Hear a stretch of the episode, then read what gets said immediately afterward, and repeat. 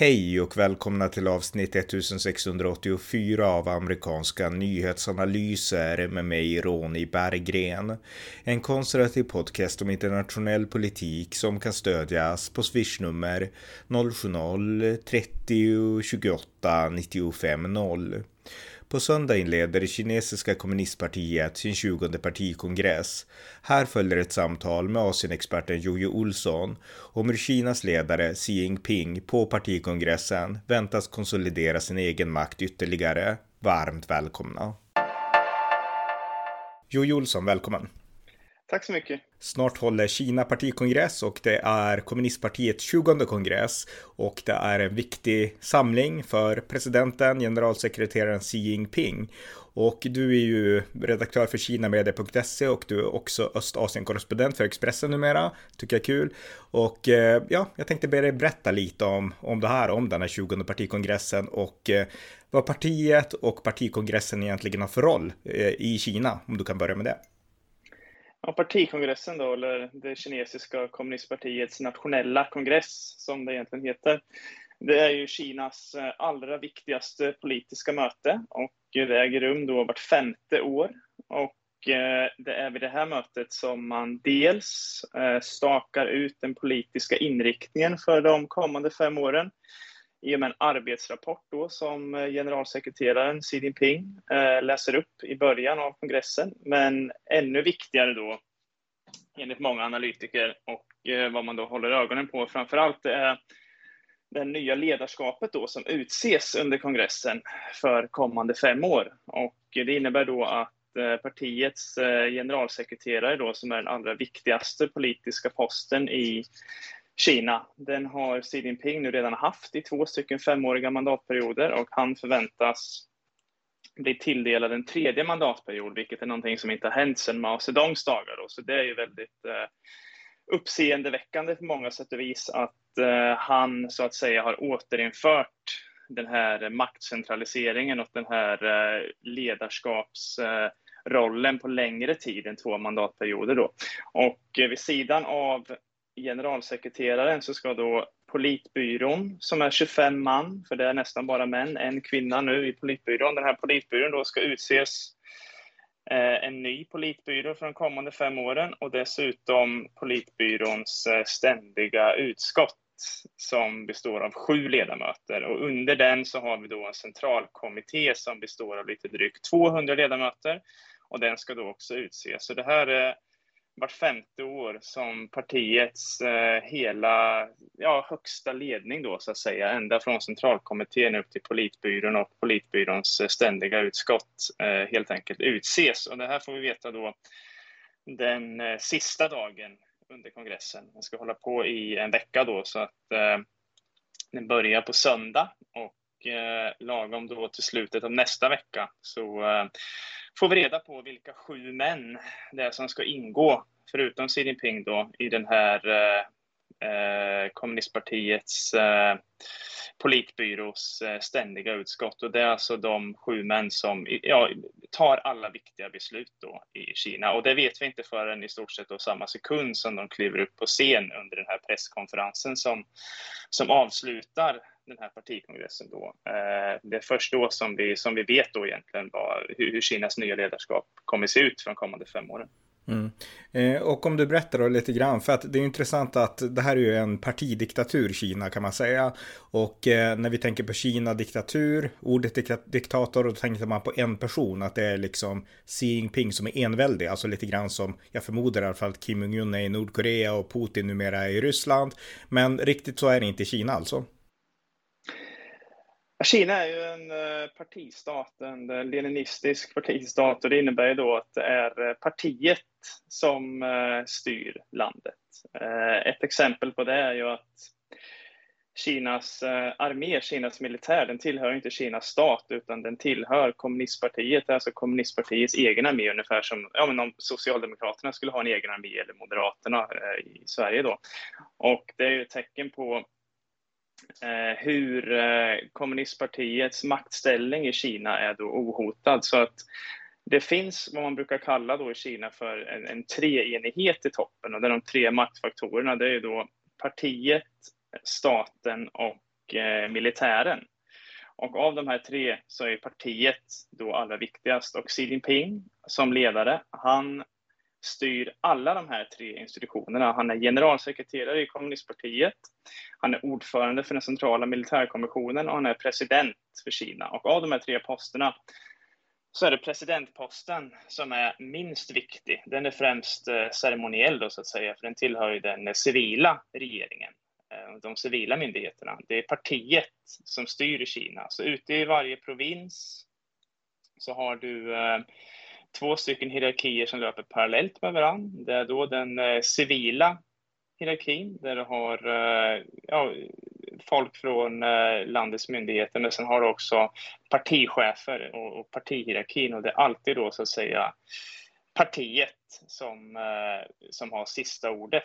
Och det beror ju mycket då på att eh, ja, partiet är de som har, eh, har gevärspipan då som alltså Mao Zedong en gång så känt sa att eh, makten eh, är sprungen ur, ur en gevärspipa. Så att eh, vad, vad som sker nu då, så den här kongressen, det har alltså ingenting med eh, eh, att Xi Jinping ska utses till president att göra, utan det här är en partikongress där han ska utses till partisekreterare, eh, generalsekreterare för partiet och partiets politbyrå ska utses. Och det är alltså det som är viktigast i Kina för att eh, partiet eh, har fortfarande eh, ja, men o, eh, ja, total makt över Kina. Mm.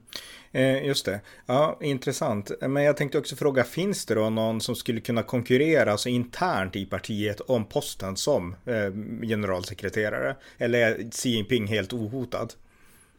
I dagsläget så är det ingen bedömare som tror att det finns ett hot mot Xi Jinping på den viktigaste posten som partiets generalsekreterare.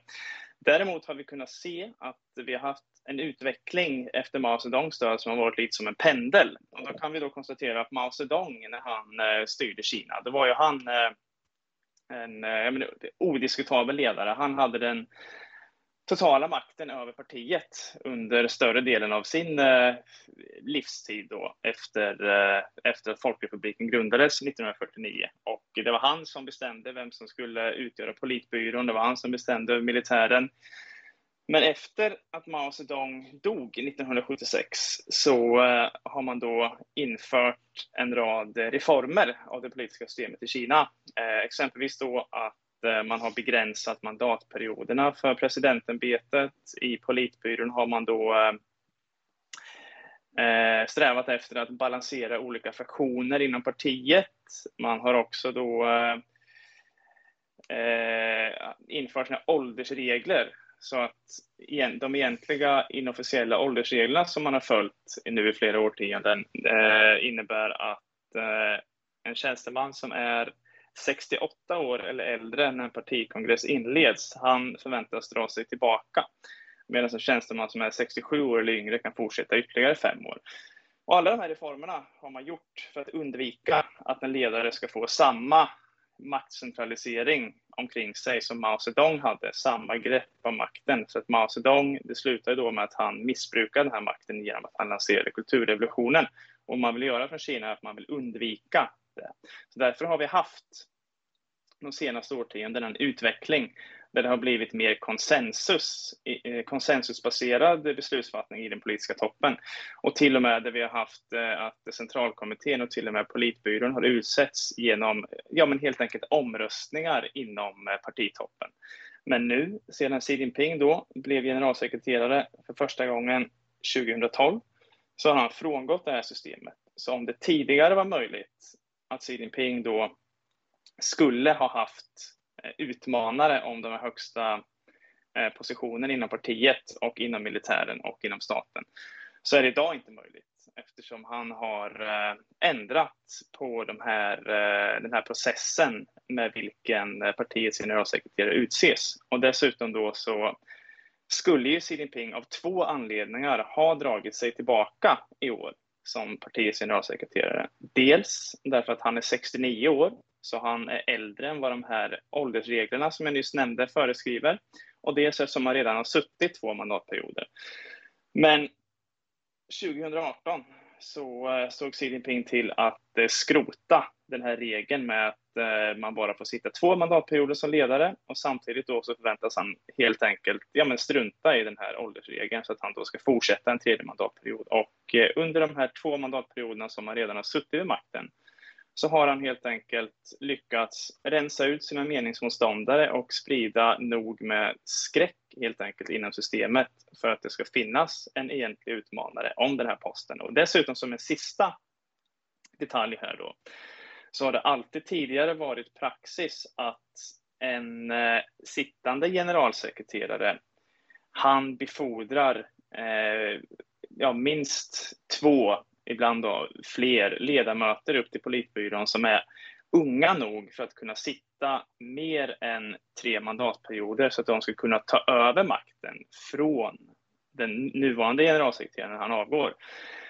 Men Xi Jinping har under de två första mandatperioderna fyllt upp politbyråns ständiga utskott med ledamöter som är för gamla för att ta över makten från honom. Så han har också gjort det på så vis att han har hindrat aktivt att det ska komma en efterföljare som är i rätt ålder för att kunna ta, ta över från honom då i år. Så det finns inte någon efterföljare ens, eh, som man säger, teoretiskt inom politbyråns ständiga utskott som skulle kunna ta över hans makt för att de är allihop för gamla enligt de åldersreglerna som man själv då ignorerar förvisso, men, men det är ytterligare en, ytterligare en indikation på att uh, det finns ingen som kan uh, ersätta Xi Jinping vid den här partikongressen. Mm, mycket intressant. Det här var, det var väldigt tekniskt där. Jag vet inte om du sa det, men frågar ja. i alla fall för säkerhets skull. Alltså visst är det också så att en eh, generalsekreterare får också bara, eller fick i alla fall, bara sitta två perioder och att det kanske ska ändras nu?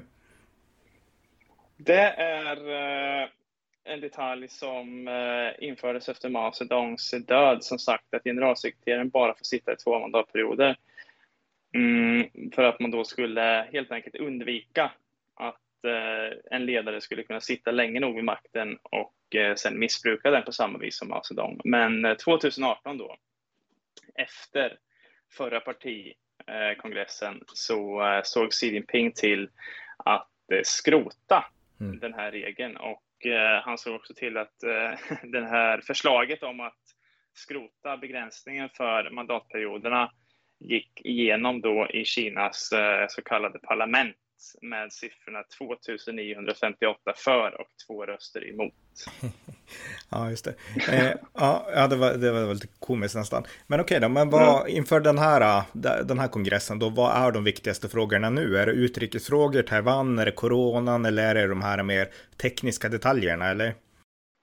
Det är viktigt att förstå att under den här partikongressen så eh, beslutas inte särskilt eh, mycket. De, de stora viktiga besluten de har redan tagits. Eh, det skulle vara otänkbart för kommunistpartiet och framförallt under Xi Jinpings ledning eftersom Xi Jinping han eh, värderar stabilitet väldigt högt. Han vill inte ha några som helst eh, oförutsägbara händelser. Det skulle vara otänkbart att sätta igång en partikongress utan att man redan hade beslutat vem som ska bli då, eh, vilka som ska utgöra den här viktiga ständiga utskottet inom politbyrån eller vilka som ska sitta i politbyrån. Så allt det här har redan tagits på förhand, de här beslutet. Och då har vi speciellt då under ett möte som varje år hålls i en eh, badort som ligger en 30 mil utanför Peking som heter Beidai-sjö. Där sammanträder då partitoppen och eh, ja, de pensionerade partiveteranerna, så kallade party elders, de eh, sammanträder där eh, varje år för att diskutera de här viktiga, viktigaste politiska frågorna.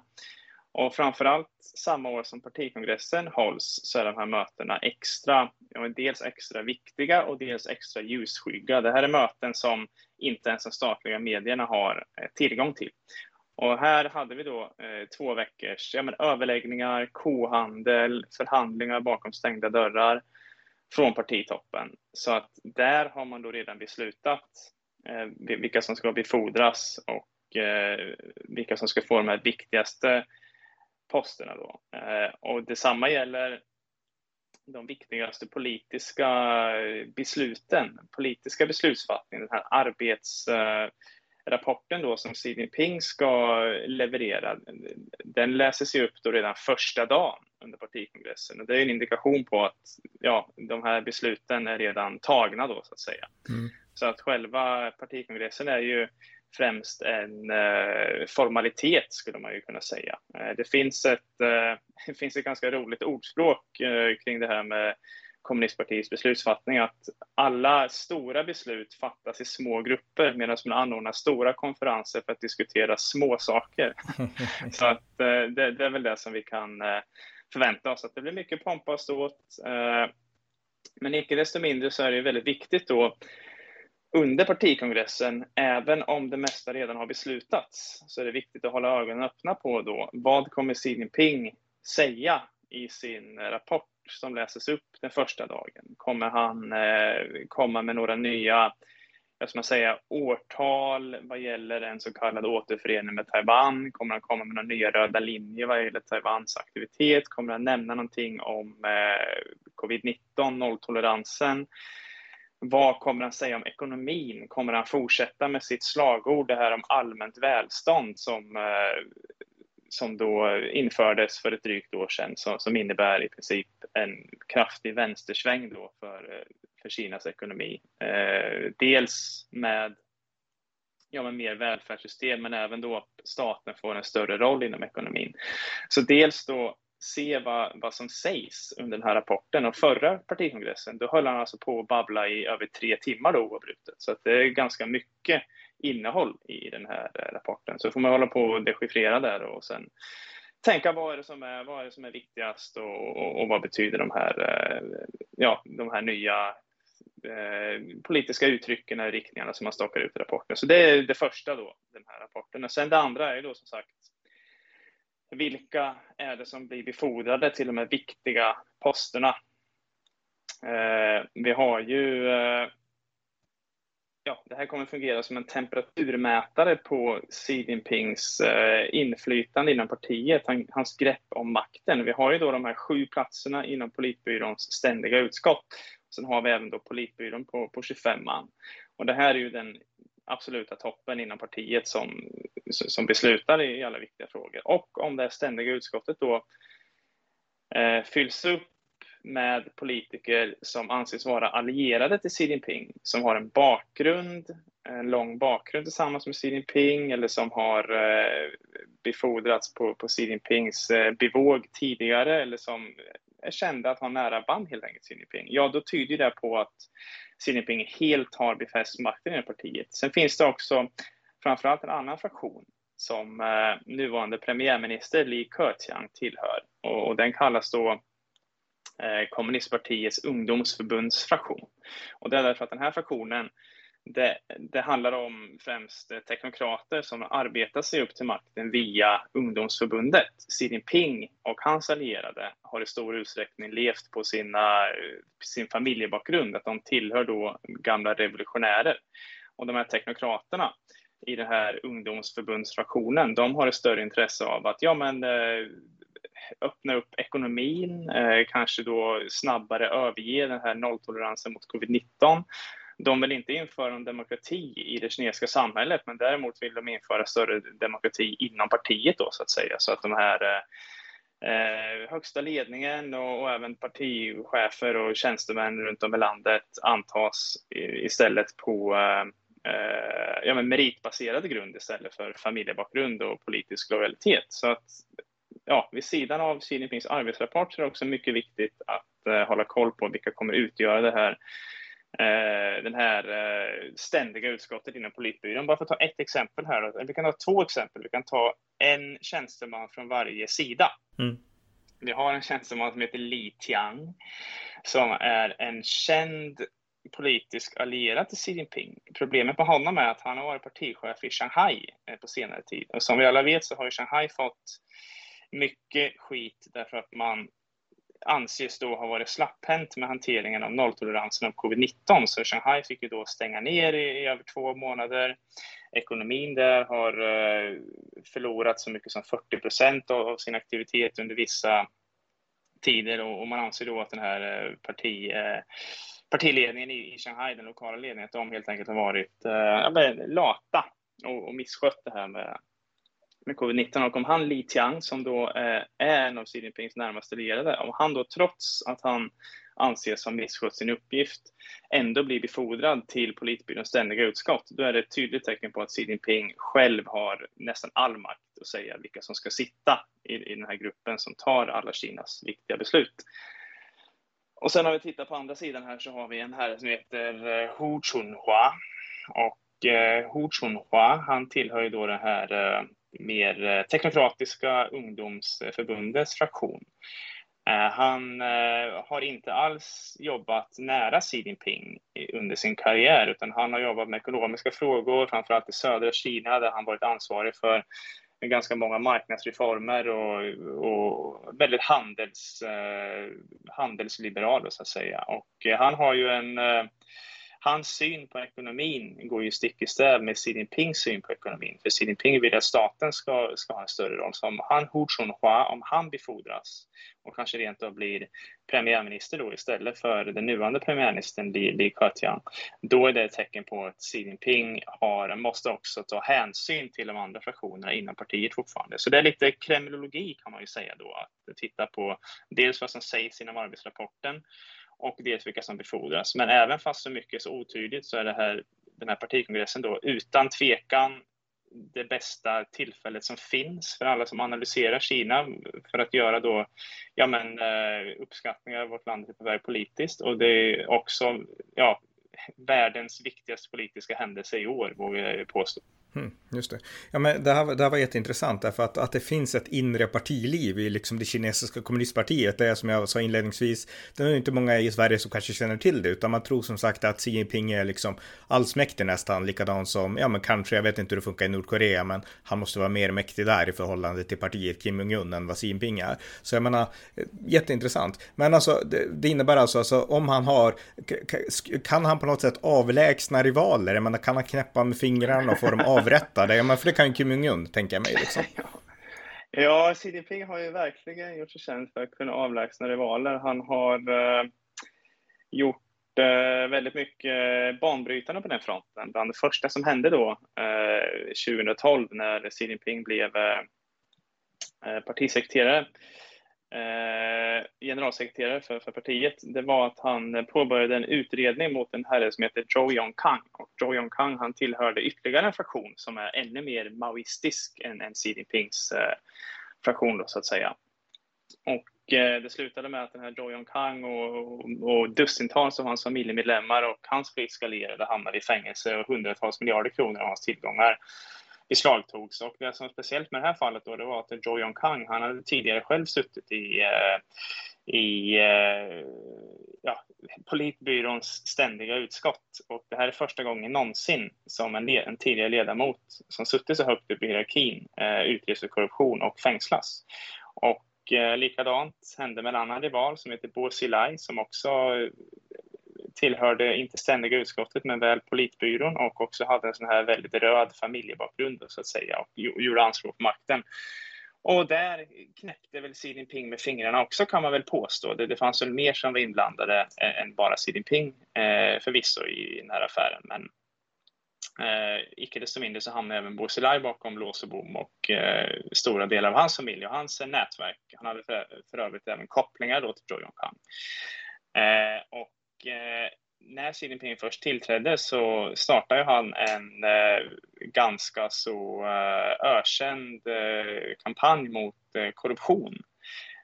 Och den har då, ja, precis nu under sommaren så, så publicerade statliga medier siffror på att den här kampanjen mot korruption har lett till att 4,7 miljoner tjänstemän har straffats.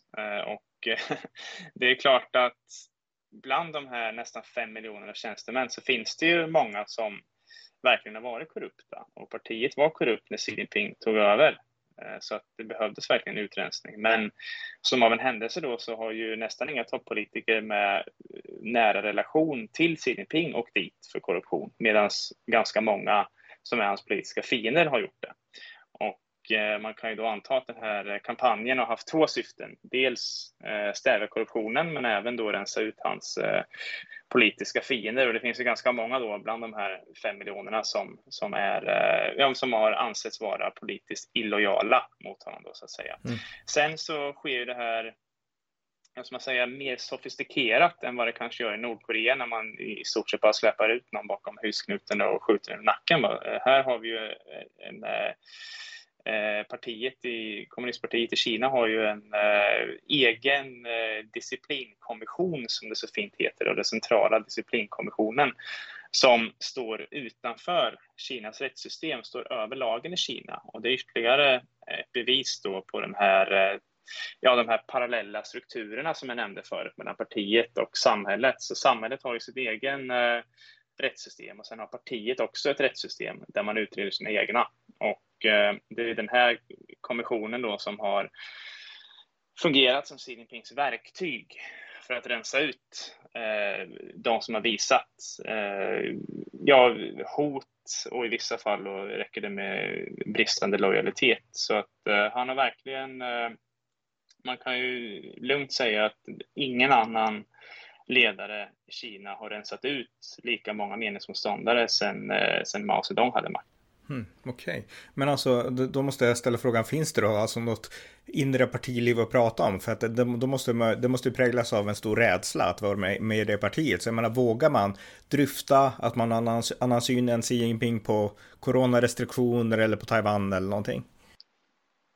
Det har varit en eh, gradvis utveckling som varit väldigt olycklig för, för Kina. Uh, när tidigare presidenten och generalsekreteraren Hu Jintao hade makten då fram till eh, 2012, då fanns det ju ett, eh, ja men ett, eh, ska man säga, debattklimat inom partiet, ett visst svängrum där man kunde ja, men visa missnöje med politiska beslut. Många beslut skedde rent av genom omröstning då inom politbyrån eller politbyråns ständiga utskott. Där fanns det verkligen en viss, ska man säga, vitalitet, eh, spänst inom partitoppen där man då kunde diskutera olika beslut. Men sedan Xi Jinping tog makten så har man då gradvis blivit, blivit då från hans håll och från eh, den här disciplinkommissionens eh, håll då mer hårdhänt och man har rensat ut fler personer för, för mindre saker än tidigare. Så om vi då drar en linje från tio år sedan då, när det fortfarande var ganska normalt att man kunde ifrågasätta politiska beslut inom partitoppen, till idag då, när det, ja, om du kritiserar nolltoleransen mot covid-19 i Kina idag, då ses det i princip som en personlig utmaning mot Xi Jinping. Mm. Så det är dit vi har kommit då, att eh, de här eh, positionerna som ska delas ut under eh, partikongressen nu då, vilka som ska ingå i politbyrå och centralkommitté. Nu är det mer ja, politisk lojalitet mot Xi Jinping som spelar en större roll än vad kanske eh, erfarenheter och kunskap gjorde då för tio år sedan. Och på samma vis så har det inte uppskattas inte alls idag om man går emot Xi Jinping i de här viktiga yttersta politiska besluten. Det finns ju dokument också som tyder på att Xi Jinping, han har själv ett stort personligt ansvar för eh, övergreppen mot etniska minoriteter då i västra Kina i Xinjiang som kallas för folkmord av, eh, av, av många Eh, parlament och organisationer. Och det är också Xi Jinping som har drivit den här frågan om Taiwan då till sin spets eftersom han verkligen vill bli den som återförenar då hela Kina. Och det är också eh, Xi Jinping som eh, ja, har infört och, och vägrar släppa på den här nolltoleransen mot covid-19. Så alla de här besluten hade ju kunnat sett annorlunda ut om det tilläts en diskussion i partitoppen som, som det tidigare har gjorts, men som idag är förenad med, med fara. Du, du blir inte befordrad helt enkelt i Kinas politiska system om du går emot eh, Xi Jinpings, eh, Xi Jinpings ja, riktning, så att säga. Just det. Ja, mycket intressant. Ja, vi får väl se då vad som kommer i den arbetsrapporten och de andra sakerna som redan är beslutade, men där världen får veta vad partiet ändå tycker i, i de här avseendena. Och Xi Jinping då, han förväntas med all sannolikhet att förbli då generalsekreterare. Och då undrar jag, alltså vad skulle det innebära för hans ställning i, i den kinesiska historien om han nu förblir ledare in i framtiden också? Det beror lite på vad han lyckas göra under den här tiden. Eh, en anledning till att Xi Jinping vill fortsätta styra Kina är ju som sagt då att han vill, eh, ja men framförallt lösa Taiwan-frågan då som, som han själv formulerade, att han vill att eh, inkorporera Taiwan i Kina och om han lyckas göra det, då går han ju till historien som den kinesiska ledaren bredvid Mao Zedong som eh, vann inbördeskriget och grundade Folkrepubliken och Deng Xiaoping som gjorde Kina rikt och sen Xi Jinping då som eh, återförenade hela Kina och fick Kina att stå upp igen då på, på världsscenen. Och det finns ju också eh, flera sådana här eh, olika milstolpar som man, man vill passera.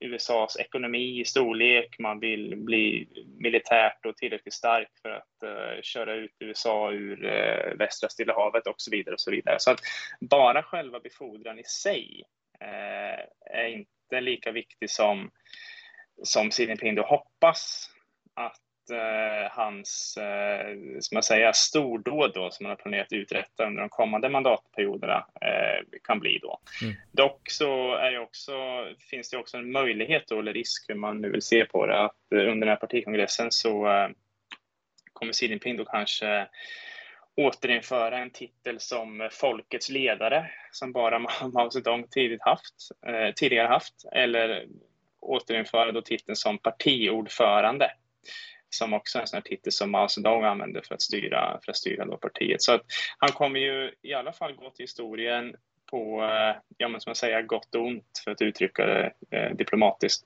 som den ledare som styr Kina längst tid sedan Mao Zedong eh, gick ur tiden.